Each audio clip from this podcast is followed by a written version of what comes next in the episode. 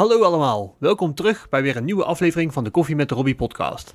Ik hoop dat jullie allemaal een leuke vakantie hebben gehad. De kerst en oud en nieuw zitten er weer op, dus we gaan weer beginnen met een nieuwe aflevering. En in deze aflevering hebben we een dame zitten. Haar naam is Marieke den Rooyen en zij is eigenaar van het bedrijf Tech4You. Uh, Tech4You detacheert en werft technisch personeel. Uh, en ze scoort ook niet alleen maar technisch personeel. Um, en wat gaan jullie horen in deze aflevering? Ze gaat je tips geven over hoe je je cv mooi kan inrichten. Ze geeft ons inzicht in de wereld van werving en selectie. En we hebben het over hoe zij haar bedrijf gestart is. We gaan luisteren naar Marieke de Rooyen. Welkom bij de Koffie met Robbie podcast. Over ondernemen, verbinden en netwerken met Robbie van de Koffie. Ik zeg welkom bij de volgende aflevering van, de podcast. Uh, welkom ze... Nou, nou, welke naam ik verkeerd Welkom Marieke, leuk dat je er bent. Ja, leuk. Ja, ik uh, vraag eigenlijk altijd aan mijn gasten of ze zichzelf even willen introduceren. Dus als je dat even zou willen doen. Ja, heel, zeker. Ik ben Marieke en uh, ik heb het bedrijf Tech4You, partner in personeel. En uh, dat is een uitzendbureau die voor 75% technische vacatures vervult. En voor 25% ander soort vacatures. En dat doen we te rijden met twee medewerkers en met een stagiaire. En mijn man zit buiten in het veld. En jouw man, die detacheer jij dan ook? Of hoe, hoe uh, nee, die is gecertificeerd lastig en uh, tevens ook ondernemer. Oh, leuk. Leuk. Ja. ja. Is het niet zo lang te rijden? Nee, dat klopt. Dat is in Maden. Ja, ja. ja. er is net uh, een nieuw pand betrokken. Ik ben ook even eens kijken. Heel mooi. Mooi ja. ingericht. Ja. Helemaal in jullie stijl. Ja. En Tech for You, 75% technisch personeel. Dat klopt. Wa waarom 75% technisch personeel? Dat is eigenlijk het bestaansrecht van Tech for You. Dus het specialisme ligt echt in het ondergronds leidingwerk, uh, het aanleggen van hoofdleidingen, gas, water en stadsverwarming. Um, daar heb ik voorheen gedaan bij een aannemer. Daar coördineerde ik een uh, aantal honderd man aan personeel in Nederland en België en ook daarbuiten. En um, dat is echt specifiek gericht op het ondergronds leidingwerk. Dus heb ik mijn netwerken opgebouwd. Toen leerde ik mijn uh, partner kennen en die zit ook al jaren in het ondergronds leidingwerk. En dan is lastig en zo heb je samen een redelijk groot netwerk in het ondergronds leidingwerk. Ik verloor daar mijn baan en uh, toen ben ik voor mezelf begonnen. En op het moment dat je dan voor jezelf begint, dan zie je wel van hé, hey, waar je dus een specialist met je vakkennis echt in hebt en je netwerk, daarin en ja, is ook je eerste boterham te verdienen. En zo is dat uh, met Tech4You ontstaan. Dus in eerste instantie allemaal technisch. Natuurlijk binnen de techniek hebben ze natuurlijk ook ander soort functies nodig. Bijvoorbeeld de veiligheid, administratief, financieel, aansturend. En um, dan zie je dat je het ook leuk vindt om natuurlijk niet alleen het uitvoerende personeel te doen, maar ook ander soort functies. En in de techniek gaat het toch eigenlijk vrijwel altijd om wat iemand kan, kwalitatief. Mm -hmm. En eigenlijk iets minder om de persoon. En op het moment dat je bijvoorbeeld een uh, online marketeer gaat zoeken voor een bedrijf, dan is het ook weer belangrijk om te weten, past iemand binnen het team? En wat is de persoon achter het cv? Mm -hmm. En uh, ja, die andere 25% aan vacatures, die maakt natuurlijk dan wel leuk. Dat je enerzijds natuurlijk echt gericht bent op het cv technisch gezien. Mm -hmm. Wat kan iemand kwalitatief? En daarnaast ook gaat kijken wat is de persoonlijkheid, persoonlijkheid achter iemand zijn cv. En dan maakt die combinatie wel erg leuk. Oh ja, zeker. Ja. Um, je bent begonnen met alleen maar technisch personeel. Tenminste, dat, dat hoor ik je net even zeggen. Um, vind je het nou ook wel heel erg leuk dat je dan nou ook iets anders kan doen? Want ik denk dat het ene heel erg uh, statisch is. Dus dat je zegt maar, joh, ik heb iemand nodig met deze papieren. Heb je die? Dus vaak een ja of nee antwoord. Ik ga misschien even kijken in mijn netwerk, maar dan is het ook al klaar daarna. Um, ja, de diepgang zit hem dan inderdaad meer in de papierwinkel en wat iemand echt in de praktijk kan. Mm -hmm. En eigenlijk wat minder over van, hé, hey, welke personen zitten, wie is het nou eigenlijk? Uh, past hij binnen het team? Uh, hoe ziet hij zijn toekomstperspectief? Dus dan heb je een ander soort diepgang. Mm -hmm. Dus dat klopt, dat, dat is een leuke uh, variatie. Ja, ja, zeker. En waarom uh, personeel? Waarom ben je richting de technische sector gegaan? Je, hebt natuurlijk al, ja, je had er al best wel affiniteit mee. Maar je had natuurlijk ook wel iets anders kunnen gaan doen in de techniek. Ik denk dat je best wel veel know-how had en ook wel iets anders had kunnen gaan doen. Ja, maar ik ben alleen zelf niet technisch. Nee, nee, nee, nee ja, dat geloof nee, ik ook al, ja. Dus daarin, daarin, ja, dus de keuze makkelijker gericht op de mens. Mm -hmm. Maar eigenlijk ligt ook mijn kracht meer in de mens dan in de techniek. Ja. Ja, dus als je dan zou gaan kijken wat zou het beste bij mij passen als ik ergens zou gaan solliciteren, dan is dat niet de techniek, maar dan is het menselijke aspect. Ja.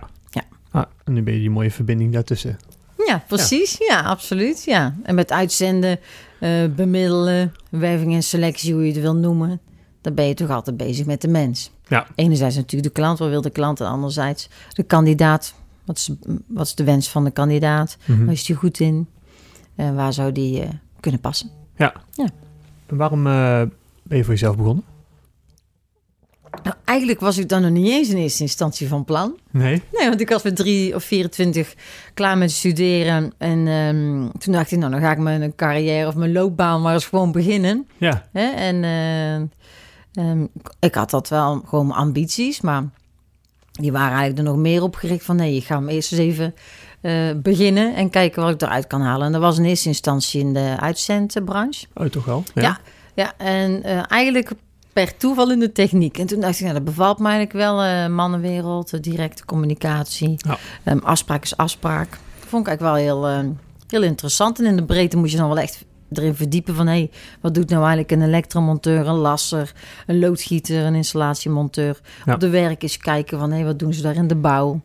En dat vond ik eigenlijk wel heel erg leuk. En ehm, na een aantal jaar, toen kwam ik eh, aan de andere kant van de tafel te zitten, dus binnen de aannemerij Mhm. Als personeelsplanner, zeg maar. Vond ik ontzettend leuk, eh, maar eh, daar, eh, daar verloor ik mijn baan. Dus toen dacht ik van Oh, ja, ja. wat gaan we nu doen? Toen Mhm. merkte je ook dat de markt nogal in beweging was. Dat de recessie wel echt zijn... er was een vriendinnetje eigenlijk voor zichzelf begonnen. Die heeft best wel een mooi bureau opgebouwd. Ja. Toen dacht ik, dan ga ik daar eens mee in gesprek. Mhm. Dus kijken van, nou, hoe doet zij dat dan? Niet in de techniek. En toen dacht ik van, nou, ik denk dat ik dat eigenlijk wel zou willen doen. Ja. En toevallig dat mijn schoonvader zei, ik wil jou wel eens op weg helpen. En Ja. zo ben ik begonnen. Oh, leuk. Ja. Ja. En eh, dan, dan, dan wil je gaan beginnen. Ehm, wat is dan de eerste stap die je zet om te gaan beginnen? ja, toch wel een ehm, bedrijfsplan eh, schrijven. Ja. Ja, en kijken van, hé, hey, wat heb ik dan nodig om te beginnen? Mhm. Certificering is ook wel een belangrijke. Ik heb het vanuit UWV gedaan, dus het was op zich wel prettig dat je ook een periode had dat je zeg maar eh, ehm, je marktonderzoek gaat doen. Ja. Ja, dus dat is eigenlijk heel fijn dat ze het op die eh, wijze zeg maar doen. Mhm. En eh, toen op 1 oktober 2012 begonnen en gedacht, ja, we gaan maar gas geven. En het jaar erop eh, stond het. Zo, Ja. gaaf. Ja. Nou, dat, dat, dat zeg je heel makkelijk, hè? Maar ik denk dat het wel interessant is om te weten van... wat bedoel je dan met gas geven? Ja, gewoon, gewoon gaan doen. Contacten leggen, mensen benaderen, opdrachtgevers benaderen. En, en zorgen dat je vacatures binnenkrijgt en die gaan vervullen met, eh, met kandidaten. Ja, en hoe ben je daaraan begonnen dan? Ben je, heb je gewoon je, ben je je oude netwerk gaan bellen? Ja, Ja, ja. dus je hebt echt gewoon gebruikt wat je al had natuurlijk. Dat Ja. is ook het slimste als je al een netwerk hebt, zonder om dan weer opnieuw te beginnen. Ja, ja. Was het niet raar voor die mensen dat ze dachten van... hé, maar dat is toch Marieke van dat bedrijf... en die Ja. komt nu als iets... Hè, ja als dat eigen... had ook wel wat voordelen. Ja, Want als je voor een groot eh, gerenommeerd bedrijf hebt gewerkt, dan op zich heb je daar dan wel ehm, ehm, al een beetje een naam opgebouwd of zo. Dus veel Ja. mensen kennen je dan al wel. Kennen ze mij niet, dan kennen ze Misha natuurlijk al wel weer. Ja. En op die manier begin je dan. En ehm, zo krijg je eens wat opdrachten. Ja, in het begin gaat het een beetje met vallen en opstaan natuurlijk. Dat is Mhm. logisch. Maar ehm, ja, dat is gewoon, maar gewoon beginnen. Ja. ja. En hoe was Michel zijn aandeel hierin? Wel belangrijk.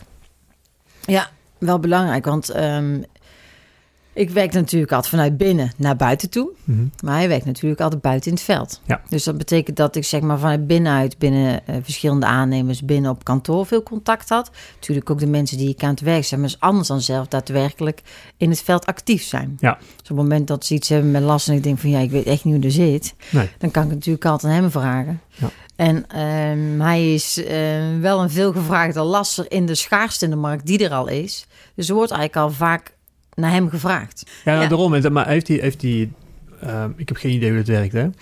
Levert hij veel mensen aan naar jou, naar jou toe in, in, door de jaren heen? Of, eh, Ja, zeker. En ook ehm, een ehm, tweetal belangrijke klanten sowieso. Ja?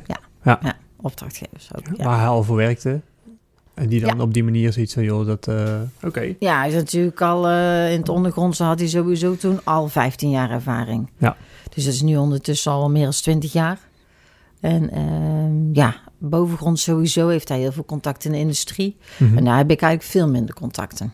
Ah. Eigenlijk een beetje een gemiddelde lasser. Die Ja. begint zeg maar met constructiewerk. Ja, Sim- gewoon, beetje ja. simpeler. Mhm. Dan gaan ze de industrie in. En het optimale wat je eruit kan halen was vroeger het gas- en nuwerk. Hoogste norm. En dat is nu eigenlijk de stadsverwarming, zeg maar, geworden. Dus 100% fotowerk. Dus eigenlijk bouwt, kan een lasser zich tot... Ja, dat is eigenlijk het hoogste niveau wat je kan halen in Nederland. Ja, En dat heeft hij helemaal doorlopen vanaf jongs af aan.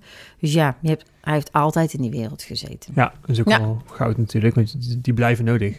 Ja, want er zitten soms bij een directeur en heeft hij vroeger mee eh, gefit. Eh, Ja. Hij was fitter en eh, Michel als lasser. En dan zit je bij zo'n directeur aan tafel. Ja, Ja, die is ook Daar allemaal ik- doorgegroeid, allemaal Ja. meegebouwd. En dat zijn natuurlijk mensen...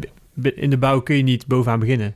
Nee. Je moet jezelf opwerken. Dus als Ja. je in de bouw zit al een hele tijd, dan ga je natuurlijk mee met die bedrijven. Ja, precies. En zo kom je natuurlijk ook wel bij mensen aan tafel eh, die hij weer kent natuurlijk, eh, die ik anders niet had gekend.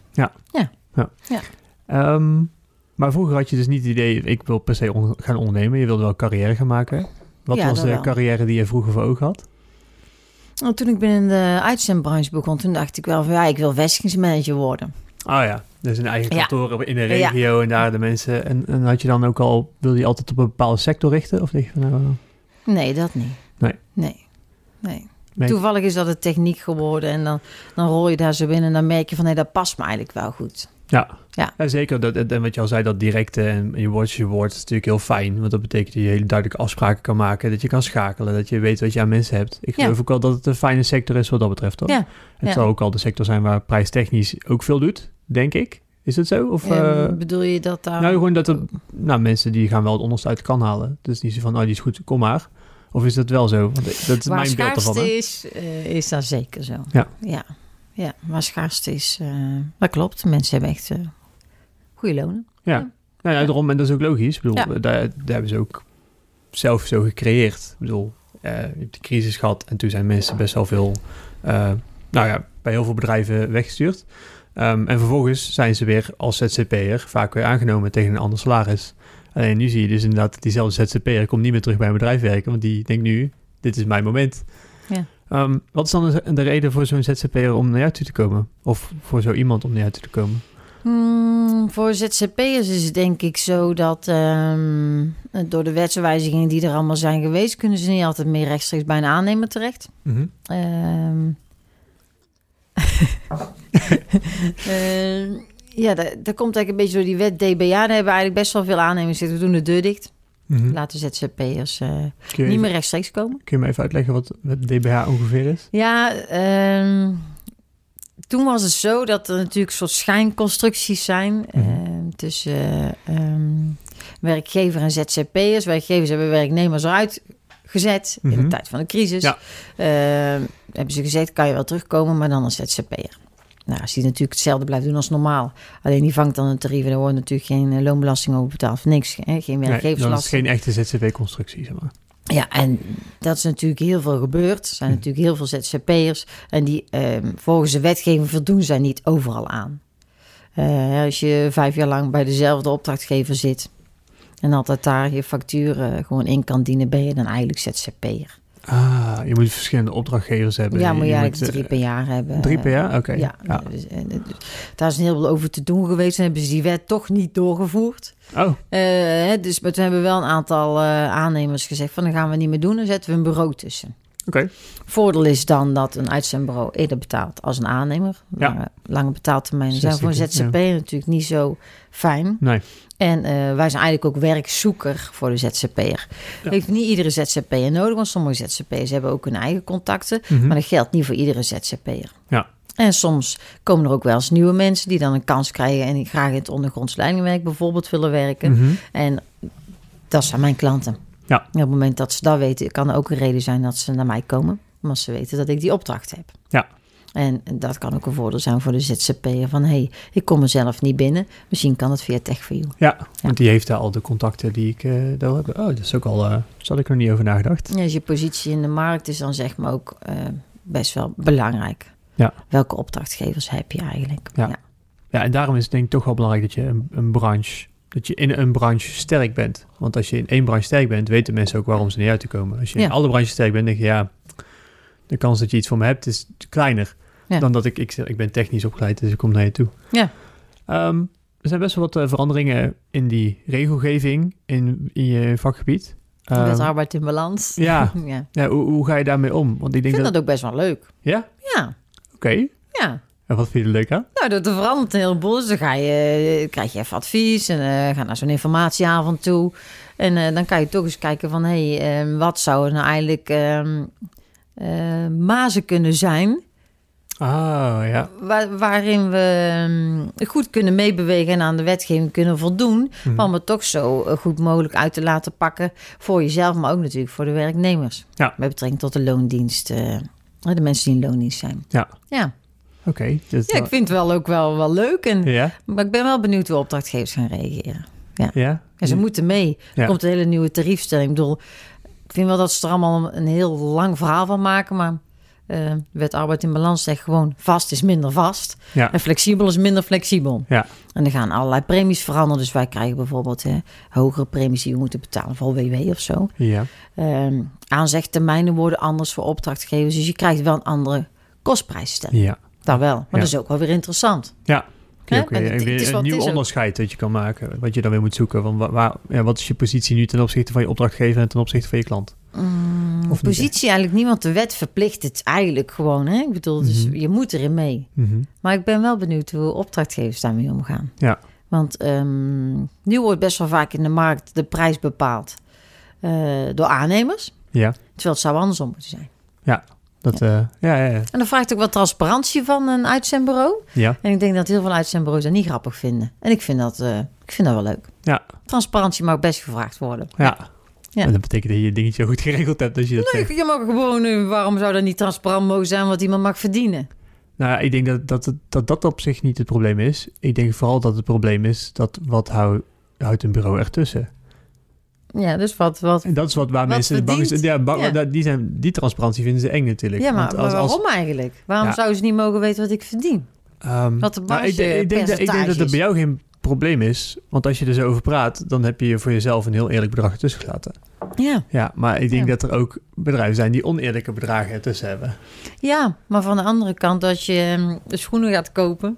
en je weet dat dat dure schoenen zijn... Ja. dan weten gemiddelde mensen ook dat daar 30, eh 40 procent marge op zit. Mhm. Je wil die schoenen toch graag hebben. Ja. Het is maar net waar je ervoor over hebt. Ja. En heeft jouw opdrachtgever daar niet voor over... ja, heb je dan eigenlijk met elkaar een samenwerking? Goeie vraag. Ja. Ik vind, eh, ik ken je al wat langer. We kennen elkaar via een businessclub. En ik vind dat je hele sterke verkoopargumenten hebt. Of dat je in elk geval heel goed mensen kan overtuigen. Waar komt dat vandaan? Of, Dat- of vind je dat van jezelf eh, niet eens? De- de- Dat weet ik eigenlijk niet of ik Nee. daarvan... Heb je geen trainingen gehad of een opleiding hierin? Of, want je zou ook een bedrijfsplan schrijven. Logisch. Het is niet voor iedereen heel logisch om dat te gaan doen. Sommige mensen gaan een opleiding volgen. Maar die denken niet van... Wat heb ik nodig om een bedrijf te starten? Ja, daar zit wel een beetje in mijn vooropleiding. Ja? Ja, ik heb marketingmanagement gestudeerd. Dus dan... Hè, en daarvoor zit ik ook al op een handelsopleiding. dus eigenlijk krijg je daar natuurlijk wel geleerd van... Hey, hoe gaat dat dan eigenlijk als je een bedrijf opzet? En Ja, eh, je zelf ook een mini-bedrijfsplannetje gaan schrijven. En Ja. dat soort dingetjes. Dus dat zit er dan eigenlijk wel... ehm, eigenlijk vanaf eh, het voortgezet onderwijs al in. Want ik ging al naar een handelsschool. Ja. En daarna de volgende mbo, ook gericht op handel. ja. En daarna dan marketingmanagement op HBO-niveau. En hoe kom je dan in de HR terecht? Ja, dat is wel een goeie, ja. Ja, toen ik eigenlijk eh, een stageplek nodig had in de marketing, er waren er bijna geen marketing eh, stageplekken, er was bijna geen werk in de marketing. Daarna is ook heel die marketing omgeslagen naar online marketing, maar Ja. daar was mijn opleiding niet op gericht. Oh, dat is echt nog eh, Ja, papier en eh, advertenties en eh, op die manier? Of ja, anders, ja. ja. Ik weet wel dat ehm, mijn vriend die ging dan eh, universitair eh, eh, door. Mhm. op gebied van marketing. En daar kreeg je al dat online, maar dat vond hij ook heel interessant. Ja. Ik, ik was daar niet. In Nee, ieder geval. Nee. Nee, maar dat- Waarom ja. weet ik niet, maar in de opleiding kan me ook niet meer herinneren dat dat gericht was op e-marketing. Nee, nee. totaal niet. Nee.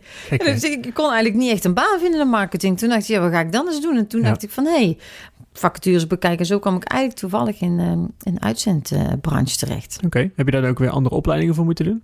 Ja, daar moet je wel wat opleidingen voor doen, eh, maar dat is eigenlijk niet echt benoemenswaardig. Nee, nee gewoon zeg maar ja, je certificering die je nodig hebt om daarin te kunnen bewegen. Ja. Ehm, wat heb je wel nodig om succesvol te zijn in deze branche? Ja, dat is denk ik toch wel uiteindelijk goed luisteren. Ja. Ja. Ja, als je niet goed naar de klant luistert wat hij wil, dan, eh, dan ga je ook die vacature niet vervullen. Nee. En dan ga je ook niet begrijpen wat hij wil. En als je niet goed luistert naar de kandidaat, wie die is en wat hij zoekt, dan ga je hem ook geen leuke baan kunnen bieden. Nee, dan voelt hij zich niet gehoord. Of in elk geval, dan ga je Ja. met iets komen wat er misschien niet... Ja, precies. En vooral nu is natuurlijk de markt zo dat de kandidaat eigenlijk in de voordeelspositie zit. Hè? Ja, zeker. Hè, de schaarste, krapte. Ja. Ehm, moeilijk om de juiste kandidaat te vinden. Dat is ook wel zo.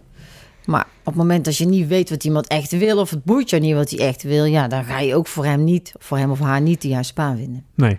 Zo zie ik dan. Volgens, volgens mij is het alleen maar luisteren. In eerste instantie. Ja. En iemand ook toch wel ehm, op een goede manier verkopen. Soms weet iemand niet wat zijn sterkte is of zijn verbeterpunt. Nee. Dus daarom moet je ook weer goed kunnen luisteren. Dan kun je eruit Ja. uithalen van... Oh, wacht. Ik weet een opdrachtgever die waardeert deze trekjes heel erg in een mogelijke aanbieder. Dus dat, dat Ja. maakt het wel interessant. Ja, en het is natuurlijk ook wel zo. Stel, jouw team is hier bij Fortune Coffee heel erg sportief. Mhm. En er komt iemand bij die dat helemaal niet heeft. Vind je dat vervelend? Ja. Oh, dat is wel... eh? Ik bedoel, dan zou je zeggen, is dat belangrijk? Ja, eigenlijk is dat wel best belangrijk. Want sportiviteit eh, zegt ook wel weer iets over dat de meeste mensen best wel gedisciplineerd zijn. Teamplayers zijn en dat soort dingetjes. Is het dan erg als er iemand bij komt die dat niet heeft? Soms kan het nou juist goed zijn voor de eh, dynamiek hè, van Ja. je team. ja. Maar soms kan het ook een struikelblok zijn. Bedoel, als je helemaal niet van sport houdt en de rest zegt... ja, we gaan vanavond weer naar de voetbal en Ja. eh, een borreltje doen... en hebben we nog gewonnen. En Ja. eh, competitief misschien ingesteld. Ja. En ander heeft dat helemaal niet. Dat is dus de vraag. Moet je dan iemand erbij hebben die bijvoorbeeld sportief is? Oh, dat is wel echt mooi voorbeeld. Ja, Ja. makkelijk ook wel Ja, iedereen een beetje tastbaar, hè? Ja, ja, zeker. Dat, is, dat is ook wel een dingetje natuurlijk. Ehm, ik denk dat voor heel veel mensen jouw werk niet per se tastbaar is. Nee, dat denk ik ook niet. Ja. En merk je dat ook aan mensen dat die zeggen van... joh, ik, ik merk dat ik... Wat doe je nou eigenlijk? Of, Dus ik vind meer dat ze eigenlijk altijd over uitzenden... een beetje een soort negatieve stempel hebben. ja? Zo van, eh, maar jij bent toch geen uitzender? Ja, dat ben ik wel. Ja. Maar je bent ook detacheerder? Nee. Kan detacheren als je dat wil. Kan. Maar in de basis gewoon bemiddelen. Ja. En dat kan uitzenden zijn, dat kan werving en selectie zijn. En dan, en payrollen dan? Nee, dat eigenlijk niet. Nee. Kan als het moet, maar Ja. dat is niet waar wij... eh, nee, die, dat onderscheid hoeft helemaal niet gemaakt te worden. Maar vaak denken ze ook dat mensen die bij een uitzendbureau komen... is dat die nergens geen baan kunnen vinden. Dat is gewoon onzin. Nee. Nee, maar dat is wel een beetje het gekke... ehm detacheren, headhunten, eh payrollen. Je noemt een aantal termen. Maar die maken het dat mensen zoiets hebben van... Wat doet iemand nou eigenlijk? Wat houdt het nou eigenlijk daadwerkelijk in? Ja, Ehm, want net zoals voor payrollen, ik, zeg, ik hoor je net eigenlijk zeggen van joh, ehm, als het moet, maar liever niet. En waarom? Als het moet, maar liever niet. payroll, een payroller die werft en selecteert niet. Dus die payroll is alleen een administratief verwerkingskantoor. Ja.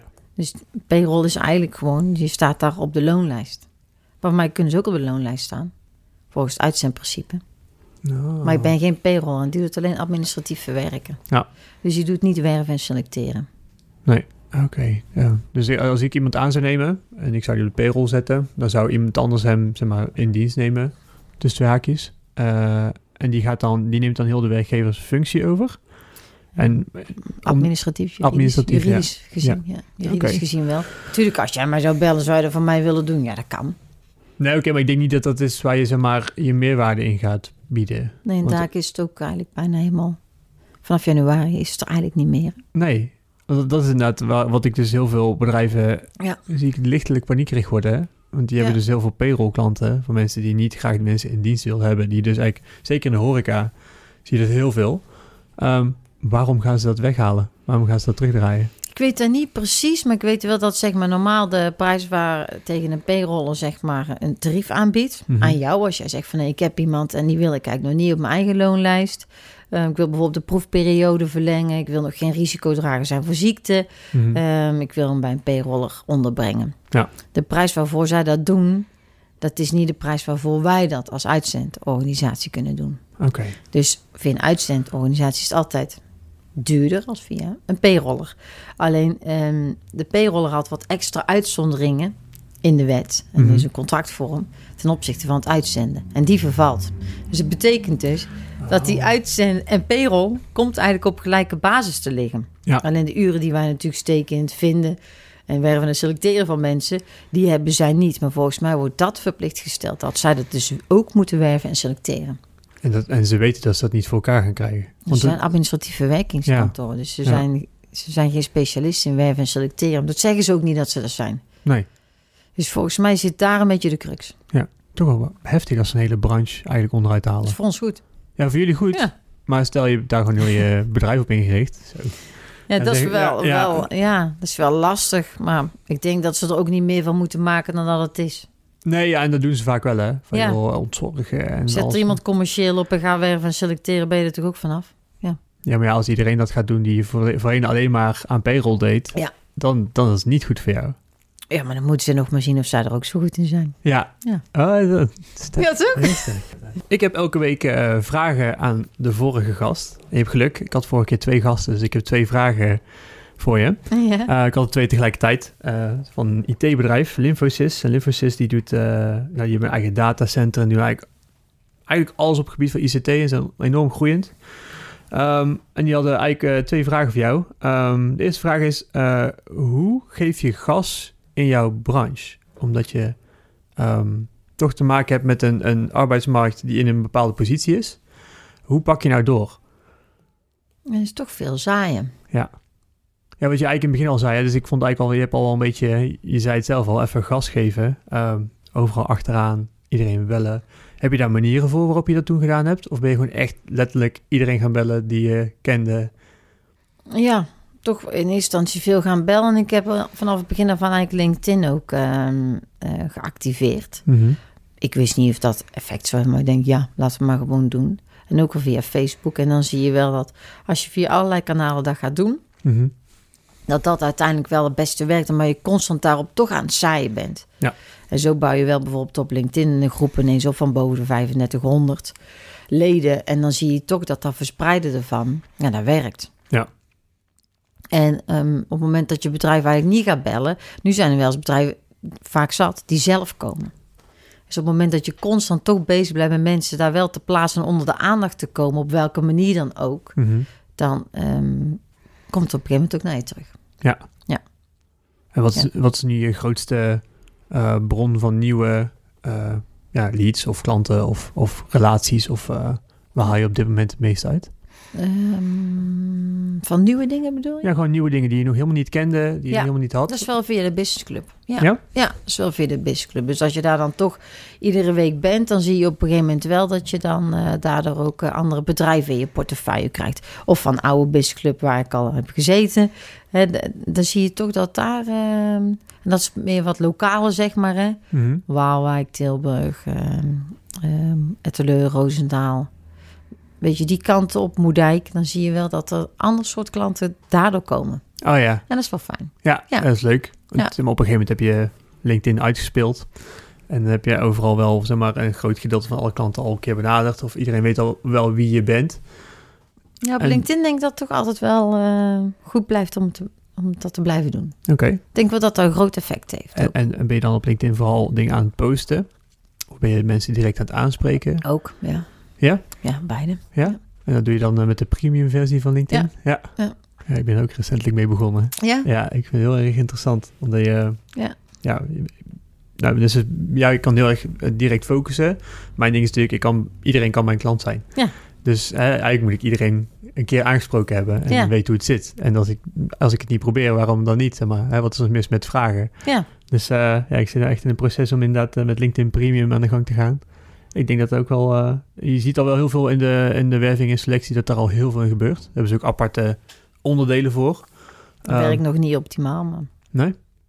Nee, vind ik niet. En wat ik vi- via LinkedIn wel eens heel irritant vind, is dat bijvoorbeeld mensen die bijvoorbeeld eh oplossingen hebben voor financieringsvraagstukken, jou dan een berichtje gaan sturen via zo'n eh, LinkedIn eh, premium account. Ja, ja. Waarvan ik denk van ja, denk je nou echt dat mensen op deze wijze gaan reageren op zulke serieuze onderwerpen? Ja, Dat vind ik echt heel bijzonder. Ik krijg Ja. een hele presentatie te zien. ja. Kijk, wij benaderen ook al mensen, maar ehm, of we zien dat ze al beschikbaar zijn. En Mhm. dan, dan zeggen we gewoon kort netjes even van... Hey, eh, Ja, Beste Hi. Robbie, hè, we Ja. zien dat jij op zoek bent naar een, eh, eh, naar een nieuwe uitdaging.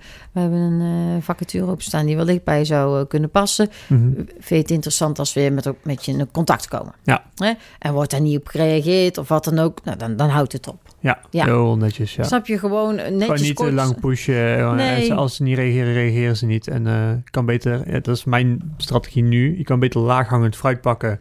Of meteen zegt, nou oh, leuk, kom maar langs. Ja. Dan dat je keihard gaat zitten pushen en dan aan tafel komt en eigenlijk al wist dat het hem toch niet wordt. Ja, ja en eigenlijk is het ook via LinkedIn is toch eigenlijk sommige dingen... eh, Als je ziet op mijn bedrijfsnaam staan, wel dan op, denk ik dan. Ja, oh ja, zo ja. ja Hè, maar dat, dan denk ja, ik wel maar ik denk van dat ja. chatten is, ehm, zien we ook eh, bij onze website. Eh, een klant chat veel liever dan ze bellen. Mhm. Dus als je... eh, Maar en- die is al klant. Eh, ja, ook nieuwe klanten. Dus ze vragen hebben over iets of wat dan ook, dan in plaats van bellen, ze, hebben ze toch altijd de neiging om te chatten. Ik denk dat het ook wel een beetje.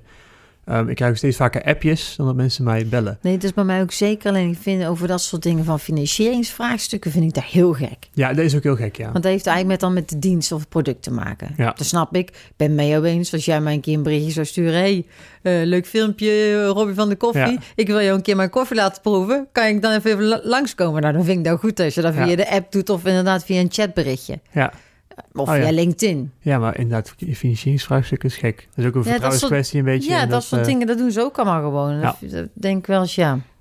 Terwijl ik LinkedIn wel een heel goed medium vind. Maar ik denk dat het ook wel goed is op LinkedIn om ook eh, bepaalde kennis te delen. Eigenlijk doen wij dat te weinig. Maar om mhm. dan ook bijvoorbeeld tips eh, voor solliciteren of eh, voor ZZP'ers. Of inderdaad wet arbeid in balans. Om daar Mhm. eens hè, eh, naar buiten toe dan gewoon te verspreiden, maar dan met tips. Ja. Of een stukje advies, of wist je dat, of dat soort dingetjes. Daarmee denk ik dat je ook met, met een product Mhm. eh, eigenlijk op een leuke manier ook wel eh, je bedrijf onder de aandacht kan brengen. Ja, ja dat denk ik ook vooral bij jou, er zijn natuurlijk hele leuke dingen waar je mee kan doen met leuke afbeeldingen en fotootjes en, Ja. en, en eh, filmpjes. Ik denk dat dat op LinkedIn wel, eh, wel werkt. Ja. Ja, dat merk ik zelf ook hoor. Ik krijg heel vaak complimenten over dat we heel veel leuke dingen posten. We hebben heel veel weetjes, heel veel receptjes, heel veel eh geluksmomentjes, dat soort dingetjes, weet je wel. Want koffie is heel erg veel beleving. Ja. Ja, maar jullie zijn weer ook alweer een stukje vertrouwen. Dus het, hè, en als je dan tips geeft over hoe je dingen beter of slimmer zou kunnen doen... Ja, werkt bij een accountant ook heel goed. Hè, belastingtips. Dus vind ik Ja. altijd een hele mooie trigger om te denken van... Ah, ja, dan denk ik ook, dat wil ik wel nou, even direct voordeel. Dus ik, eh, jij geeft mij zomaar gratis al direct voordeel. Ja. Laat staan als ik klant bij jou word. Nou, weten. Ja, dat zou- precies. Oh, dat wil ik wel eens even weten. Ja. Wat dan die tips zijn. Ja, en dan je eigen account bellen van, huh, ik weet niet Ja, waar je het hoe over hebt. zit Zeg ik, Oh, oh. Inderdaad. ja, ja, dat is mooi. Leuk dat het zo werkt. Ehm, de andere vraag was, eh, hoe eh, onderscheid je jezelf? Want ik, wat ik ook wel heb gezien is dat heel veel mensen op LinkedIn eh, in de werving en selectie ook wel gewoon zomaar iedereen aanspreken, zonder dat daar een incentive voor is. Ehm, en dan dat ze ook heel vaak niemand kunnen vinden voor een bepaalde functie. En zeker bij hun IT. Hele schaarse categorie. Hij heeft al een paar keer samengewerkt. Ik, heb ook het gevoel dat, dat het niet altijd lekker is verlopen. Ehm, ja, hoe onderscheid je je nou en hoe zorg je ervoor dat je daar niet zo eh, gezien wordt? Ehm, ja, hoe je je echt onderscheidt, ja. Ik, ik denk wel... ehm, toch wel open en eh, eerlijke transparantie, ja. Ja. Ja, dat denk ik wel. En ook wel gewoon eens zeggen van... Hey, als een IT-bedrijf mij belt... Ja, ik heb eh, IT-consults nodig. Ja, dan kan ik wel zeggen, die heb ik. Maar die heb ik niet. Nee. Ga ik die zomaar vinden? Nee. Nee. Ja, ik kan wel zeggen van... wel, Maar dat is gewoon onzin. Ja, Eigenlijk moeten hun een, een, eh, ehm, gele procedure starten... met het aantrekken van personeel. zij ze ook aan het doen inderdaad. Weet je wel, dat leuk, zou eh, ik dan ja. adviseren van hey, pak de verschillende dingen Mhm. en, en ehm, start daar eens mee op met een volledig plan. Ja. En wil je daarbij je vacatures uit gaan zetten op onze platformen? Dat wil ik doen, kost je niks. Oh. Dat wil ik Daarom, doen. hè, stel, er, stel Ja. je hebt net geluk dat jouw netwerk iemand heeft, dat, dan heb je het dan Ja. eh, mooi meegenomen, maar dat is Ja. niet jouw focus. Zeg maar. Dus, eh, Nee, ik denk je ook kan dat... niet zeggen van, oh, ik heb er drie klaar zitten, dus eh, Nee. kom bij mij, want oh, ze waren er nou toch niet. En dan krijg je dus een heel rare verhouding. Want ja, Ja, en ik denk, ik, ik zeg dan ook altijd wel van nee, dit is een sp- specialisme. hm, Kijk dan eens naar bureaus die echt gericht zijn op de IT. Ga daar eens mee in gesprek. Ja. En vraag dan ook gewoon om transparantie van hey, eh, hoe zit het eigenlijk? Ja. Hoe is het opgebouwd, een werving- en selectiefee? Dan Ja. mogen ze best weten. Ja, Ja, en ik vind ook als ze dat niet willen, dan is het jammer voor hun. Ik weet dat daar voor IT wordt echt wel flinke marge gepakt. Ja. Maar goed, ja, je kan ze zelf ook niet vinden. Dus hè, dan is het de keus maken. Wil, Ja. jij, wil, jij, wil jij daarmee aan de slag of niet? Ik denk, eh, als je echt headhunters erop gaat zetten, dat je ze wel gevonden krijgt. Maar dan moet je ook echt voor afrekenen. Ja, zeker. Maar En, en, vraag, en wil hou je ze dan, zeg maar. Want natuurlijk iemand die één keer... Ik weet niet of je zelf de ervaring mee hebt, maar iemand die je één keer ergens hebt weggehaald en ergens anders hebt neergezet, is niet de neiging bij je persoon om dat nog een keer te doen, om weer een stap omhoog te gaan, heel groot? Of, of merk je dat mensen toch wel heel erg veel ontevreden zijn in waar ze zitten? Ja, het is, het is toch heel verschillend. Ja? Ja. Sommigen zijn wel hoppers. Sommigen die, eh, die, die- Ja, dat is gewoon net zo... Vaak worden ze wel ook gelijk afgeschoten op het cv. Terwijl soms kan iemand er ook niet zoveel aan doen. Iedereen heeft privé wel zijn momentje gehad dat je denkt... verder gaat even wat minder lekker. Ja. En als dat bij iemand wat langer heeft geduurd... en daardoor een paar keer zijn baan heeft verloren... moet hij daarop afgeschoten worden. Vind ik een beetje onzin. Nee, ja, Ja. is ook zeker. Maar dat, eh, nou, dat is aan jouw taak om dat dan te verkopen natuurlijk. Ja, precies. En dat zie je dan wel dat mensen wel heel gauw kort door de bocht kijken. Mensen die ergens eh, bij een opdrachtgever zitten en de tweede, derde keer, ja, dan houdt het bij mij ook op hoor. Ja? Ja, dan eh, stop ik met het bemiddelen. Ja, nou ja, helemaal goed toch? Dan Ja. weet, je, weet je ook van ja, luister, daar wordt jouw klant ook niet blij van. Dat je iemand hebt neergezet die En ook ook de betrouw- betrouwbaarheid van Tech for You. Ja, Ja. zeker. Ja. En dat kan één of twee keer gebeuren, maar daarna zijn ze ook... zeggen ze, Ja, daarna, Ja. dan zeg ik ook van, eh, dan gaan we er niet meer mee verder. Nee, logisch. Ja. Wat wel leuk is, is we, we doen een flyer actie. We, zijn, we zitten in Goorlen. En we zijn in Goorlen flyers gaan uitdelen met een diner. En degene die die bon kreeg, als die iemand kon aandragen die ging solliciteren, kregen zij... Het was wel een heel weekendje weg volgens mij zelfs. Ja, de, dat, zulke dingen zijn er gewoon nodig om nieuwe mensen te krijgen, al is Ja. maar op de service desk van een IT-bedrijf. En ze willen de opleiding betalen, ze willen die mensen helemaal omscholen. Maar service desk moet wel te doen zijn. Ja, maar toch hebben zij ook alweer een bepaald niveau van service desk. En ze hebben toch wel moeite mee. En dan het liefst zouden die mensen natuurlijk door heel bedrijf heen meetrekken naar een hoger niveau. Naar echt een IT-consultant en dat soort dingetjes. Dus dat, eh, ja, ik vond, de, ik vond het een slimme manier om het te doen. Ik dacht van, nou, als je het dan toch eh, een beetje op een andere manier wil bekijken, doe het dan zo. Ik denk dat soms flyer ook al heel veel kan doen. Zeker, vooral omdat je face-to-face, je laat je bedrijf zien, je staat er, je bent er Ja. zelf bij en dan heb je toch andere gesprekken. Dus dat, eh, en Ja. zeker als je een lokaal bedrijf bent, zijn mensen toch wel geneigd om te zeggen, oh, dat is wel gaaf. Ja. Toch wel.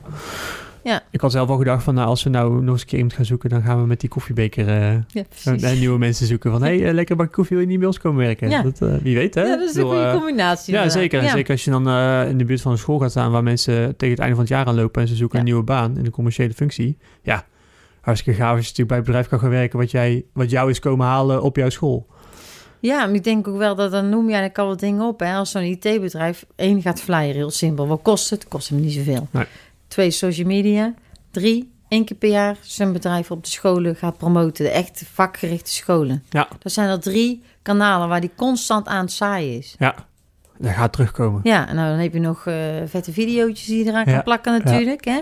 Die je constant kan laten roleren eh, op je website. Ja. Ehm, doe wel verschillende dingen. Ja. Dat, dat het iedereen aanspreekt. Dan heb je eigenlijk al vier dingen die je aan het doen bent. Ja. En Dat als je die denk ik constant belangrijk. goed blijft bewaken en blijft doen en blijft Ja, vernieuwen, en dan denk ik dat ja, ja. want je kan niet zeg maar hetzelfde filmpje blijven gebruiken en op een gegeven moment denken mensen, oh, dat heb je meer. Ja. Je moet even veranderen, je moet iets anders laten zien. Ja, Ehm, ik denk dat jij voor mensen ook wel hele leuke tips kan geven qua solliciteren. Ik denk dat er best wel veel mensen luisteren die zeggen van nou, ik wil misschien naar een andere baan. Ehm, wat voor tips heb je voor mensen? Ehm, en misschien is het leuk om te beginnen met een cv. Waar kijk je naar op een cv? Wat vind jij belangrijk? En dan misschien niet per se naar invulling, maar gewoon naar hoe is die opgebouwd? ja, in eerste instantie kijk ik wel hoe het er eigenlijk uitziet en of het een beetje anders is als anders. Ja, Want eigenlijk is, eh, is het cv, zou het eigenlijk één A4'tje moeten zijn, Mhm. die eigenlijk heel veel zegt over jou. Ben jij nou een type die zegt van ja, ik ben echt helemaal eh, van eh, grijs en blauw. Verwerk daar dan iets van in je cv. Mhm. Overzichtelijkheid en duidelijkheid vind ik eigenlijk inhoudelijk heel belangrijk. Mhm. Op het moment dat ik het ga lezen en ik raak daarvan in de war, Ja, dat is eigenlijk niet goed. oké. Want ik ga even kort kijken, zou eigenlijk gelijk duidelijk voor mij moeten zijn. Ja. En vaak hebben mensen met meerdere banen die eh, al jarenlang werkzaam zijn, eh, bijvoorbeeld dezelfde werkzaamheden uitgevoerd bij een paar verschillende bedrijven, dan zou ik ze adviseren om een, een korte, eh, eh, dat A4'tje wat korter te houden en dan een bijlage bij te voegen. Van hé, hey, eh, ik heb als eh, manager bij eh, drie verschillende bedrijven gewerkt en deze werkzaamheden uitgevoerd. En als dat bijvoorbeeld eh, gericht is op finance, personeel en administratie, Ja. verdeel die dan ook in drie categorieën en zeg daar gewoon stapsgewijs wat je hebt gedaan en wat je verantwoordelijkheid was. Ah, Heel vaak geeft het eigenlijk ehm, eh, geeft een cv niet goed weer op welk level iemand eigenlijk zit. mhm. Of jij nou drie man hebt aangestuurd of vijftig man hebt aangestuurd. Of jij nou een project hebt gedaan voor een paar duizend of voor een miljoen. Zo. Ja, dat Daar zit wel- best wel ja. wat verschil in. eh, Qua eh, bevoegdheid, verantwoordelijkheid, eh, beslissingsbevoegdheid, weet je wel. Mhm. Dus dat is denk ik ook belangrijk. Goede foto is natuurlijk heel belangrijk. Maar ehm, in de eerste basis toch echt wel van hoe ziet eigenlijk het eerste cv eruit. Ja. Mag best wat kleur en, en wel wat... eh, mag wel wat een beetje wat speels in zitten. Ja. Verschillende lettertypetjes, dik, de, dik Ja. gedrukt, schuin gedrukt. eh, kolommetjes maken, dat is denk Mhm. ik belangrijk. Heb je daar nog tools voor? Zijn er bepaalde sites of, of dingetjes waar mensen een mooie cv kunnen maken? Ja, je kan daar wel, eh, je kan ook wel een soort cv-achtig format kopen. Ah, Oké, Ja, Ja. dat kan wel. dat zou je mensen aanraden? Eh, om een goede basis neer te zetten, zeker. Nou, stel jij, want ik denk wel dat ehm, er zijn ook heel veel mensen die niet bevlogen zijn met eh, mo- het mooi maken van iets. Ja. Als je het dan mooi kan invullen, is natuurlijk ook altijd wel eh, mooi meegenomen. Ja, zeker. En ik denk dat het belangrijk is om ook eh, duidelijk er neer te zetten wat je persoonlijke kwaliteiten zijn. Ah ja. Persoonlijke eigenschappen, zoiets. Ja? Of je skills. Of, Ja. maar in ieder geval op, gericht op persoonlijke skills. Ja. Dat is denk ik belangrijk om weer te geven. Oké, Ja. leuk. En dan kom je aan tafel, je cv is hartstikke mooi goedgekeurd. Ehm, in hoeverre kun je als eh, jij gaat naar iemand toe onderhandelen over jouw positie? Eh, want ehm, ik denk dat je vaak is een vacature geschreven, Ehm, maar vaak zit er nog wel een klein verschil in wat de een wil, wat de ander wil. Eh, hoeveel speling zie je daartussen? Dat is wel een klant eh, afhankelijk. ja? Ja. En klant bedoel je dan de opdrachtgever? Ja. Ja. Ja. En, en merk je dat in bepaalde branches dat daar meer ruimte in zit dan bij andere? Hmm. Laat ik zo zeggen, hoe zit dat in de techniek? In de techniek gaat het echt om de papierwinkel. Ja. Is die op orde en daarmee klaar? Oké. Dus Ja, niet van, is het, een, is het een teamspeler? eh, is het. Uitvoerend niet eh, eigenlijk. Nee, op staf- en kaderniveau kan dat wel zo zijn, zeker. Mhm. Eh, er wordt minder gekeken naar leeftijd. Minder? Ja, ja, minder gekeken naar leeftijd. In de techniek is de leeftijd, eh, heb je veel meer ruimte in leeftijd dan in andere branches, vind Ja. ik. En dat vind ik eigenlijk niet terecht. Want dan vanaf 50 en naar boven, daar beginnen ze al een beetje te stijgen. Terwijl dan moet je nog 17 jaar werken. Ja, zeker. Ja, en ook daar zijn gewoon hele mooie dingen voor. Ja, Eh, Absoluut. een, een wak- werkervaring, eh, het serieus nemen van iemand. Ik bedoel, vakkennis. ja, Ja. ja, ik denk dat het ook wel belangrijk is om iemand wat ouder in je team te hebben. Kijk, hier is de verhouding dat- nu ja. heel mooi verdeeld. Maar eh, als er straks een, een ouder iemand weggaat, dan komt er ook wel een ouder iemand voor terug. Ik denk Ja. wel dat die senioriteit in je bedrijf heel belangrijk is. Want ik ben 30. Maar dat wil echt niet zeggen dat ik bij elke afspraak serieus genomen word. Zeker niet bij de Nee. hele grote bedrijven. is het soms soms beter om iemand te laten gaan Ja. die wat ouder is. ja, precies. Of in de Ja. 50 zit. Want die heeft dan veel meer feeling met een directeur. Want die denkt dat er komt iemand van 30 binnen. En soms Ja. zit er gunningen, soms niet. En soms is dat heel gek hoe dat loopt. Ja. Maar dan moet je wel eh, goed naar kijken. Ja, Ja. Dat, dat vind ik wel een verschil. Zeg maar in de techniek kijken ze dan wel minder naar leeftijd. Oh, dat, is al, eh, dat is een mooi gegeven. Is het ook Ja. vaak een, een, een dienstbewijs? Zo van, joh, je zit al zo lang in het vak, dus je begrijpt hoe het vak werkt? Of, of, eh, Ja, ik, ik denk ook wel dat de mentaliteit verschil is ook. Maar het is Mhm. natuurlijk wel vakkennis. Iemand die al vanaf eh, zijn 16 is gaan werken, nou 55, is natuurlijk zoveel vakkennis in huis. ja. ja, daarom. Ja. Dus in, en, maar die, die worden die nog steeds al vaak op kantoor neergezet? Of is het vaak juist uitvoerend? Dat die, Ja, op zich zie je dat ook wel eens. Uitvoerders zijn er natuurlijk, eh, projectleiders, eh, veiligheid, eh, werkvoorbereiding. mhm. Buiten in het veld net zo goed. Ja. Ik heb er zelfs van bijna 70 nog aan het werk. Dus, Ja? eh, ja, buiten in het veld. Ja. Ja. Ook Ja. leuk, denk ik. Ja, ieder zijn eigen keuze. Ik zou denken, geniet van je vrije tijd. Maar Nou ja, dus ieder zijn eigen keuze. Moeilijk hoor. Daarom vind ik, het, ik vind de werkverhouding van vroeger uit vind ik heel lastig. Als je gaat kijken naar mensen die nou... ik ga ervan uit dat ik heel mijn leven wil werken. Omdat ik toch al tot heel oud moet werken. Dus waarom zou ik het dan niet nu al leuk maken? Maar ik denk dat die mensen vroeger, die dachten van 55... Was toen een beetje de pensioenleeftijd was normaal.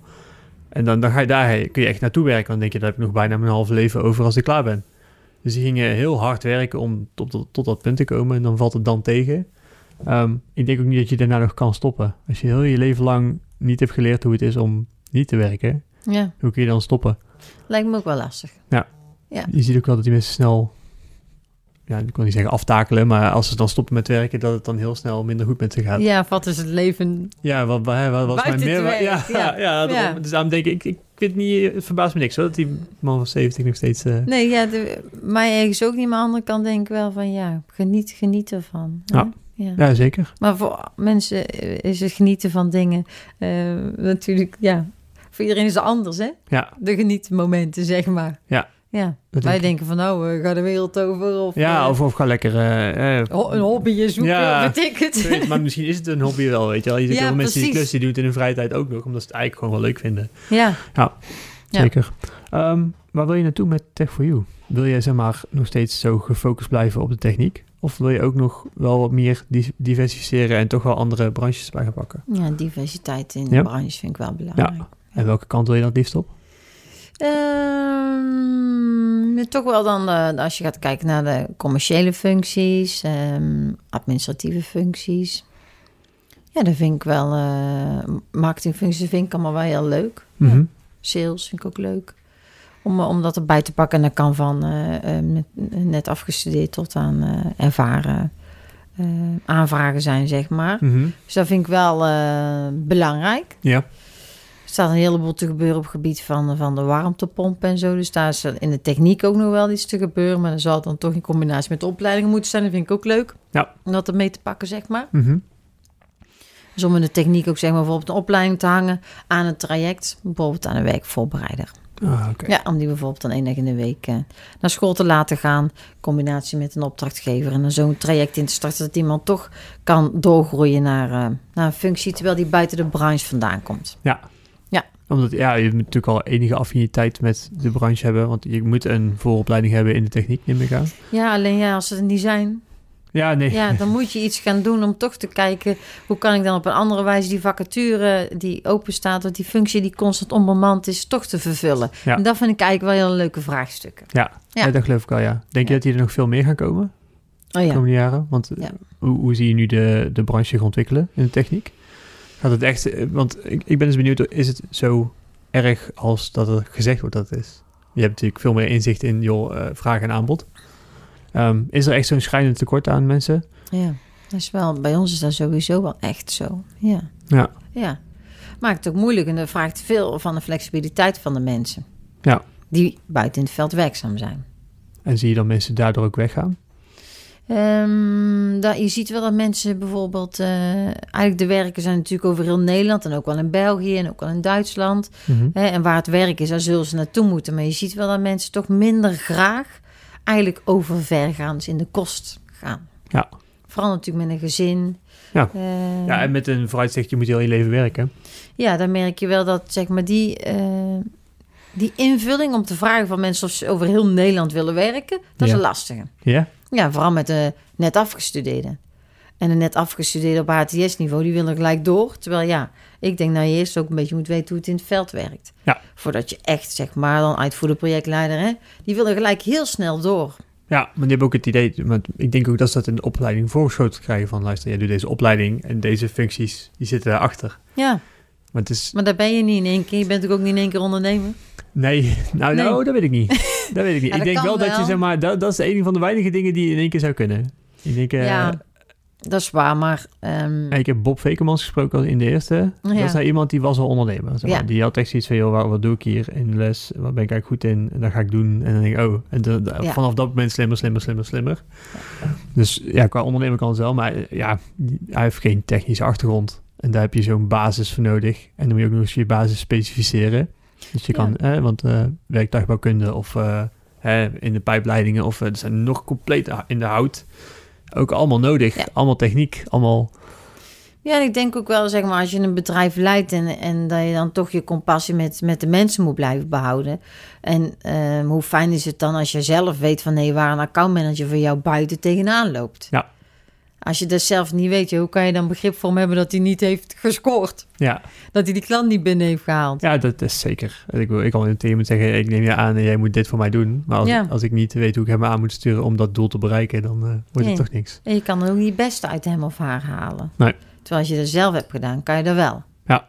Dus Bob die weet natuurlijk zelf ook heel goed wat eh, zijn medewerkers moeten doen. Ja. Dus ja, die, die, wat die- hij heeft betreft, alles zelf doorlopen en, daarna is ja. iemand dat gaan laten doen. Zo van, oké, dat kan ik iemand, dat kan ik uitbesteden. ja, dat bedoel ik eigenlijk mee te zeggen. Hij kan het aansturen, maar als je niet weet wat hij moet doen, kan hij ze ook niet aansturen. Nee. Kan er wel iemand onder zetten. Tuurlijk kan dat. Die ondernemers heb je ook. Maar dat is ook een keuze, denk ik. Ja. Ja, Ja, dat denk ik ook. En, eh, ik denk zeker als je op de HBO-niveaus komt, dat je dan toch wel iets moet laten gaan doen waar je zelf geen kaas van gegeten hebt. Financiële administratie, dat soort dingetjes. Ja, daar kun je echt wel uitbesteden. Ja. Moet je ook niet per se willen doen.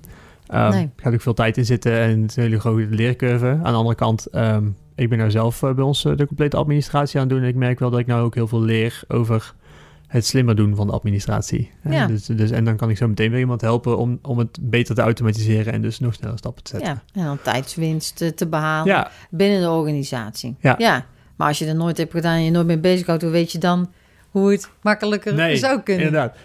Wat voor vraag? Nou, even misschien even uitleggen. Romana van Breinkonijn, die helpt bedrijven brainstorm sessies op te richten en dan probeert ze zelfvoorzienend te laten zijn om de brainstorms te laten lopen. Ehm, je kent Ro- Romana ook wel. Wat zou je graag aan haar willen vragen? Eh, wat is haar drijfveer? Ja? Ja. Oké, goede vraag. Ik hem even opschrijven. En eh, ik ben eigenlijk ook wel benieuwd eh, eh, welk doel zij voor ogen heeft. Ja. Super, hartstikke leuk. Nou, we zijn eigenlijk alweer aan het einde gekomen van, eh, van de podcast. Vond je ervan? Ja, leuk. Ja? Ja. ja. Mooi, leuk. Nou ja, ik vond het ook wel een heel leuk gast. Heel veel interessante informatie. En eh, we zien elkaar snel weer. Leuk, dankjewel. Oké.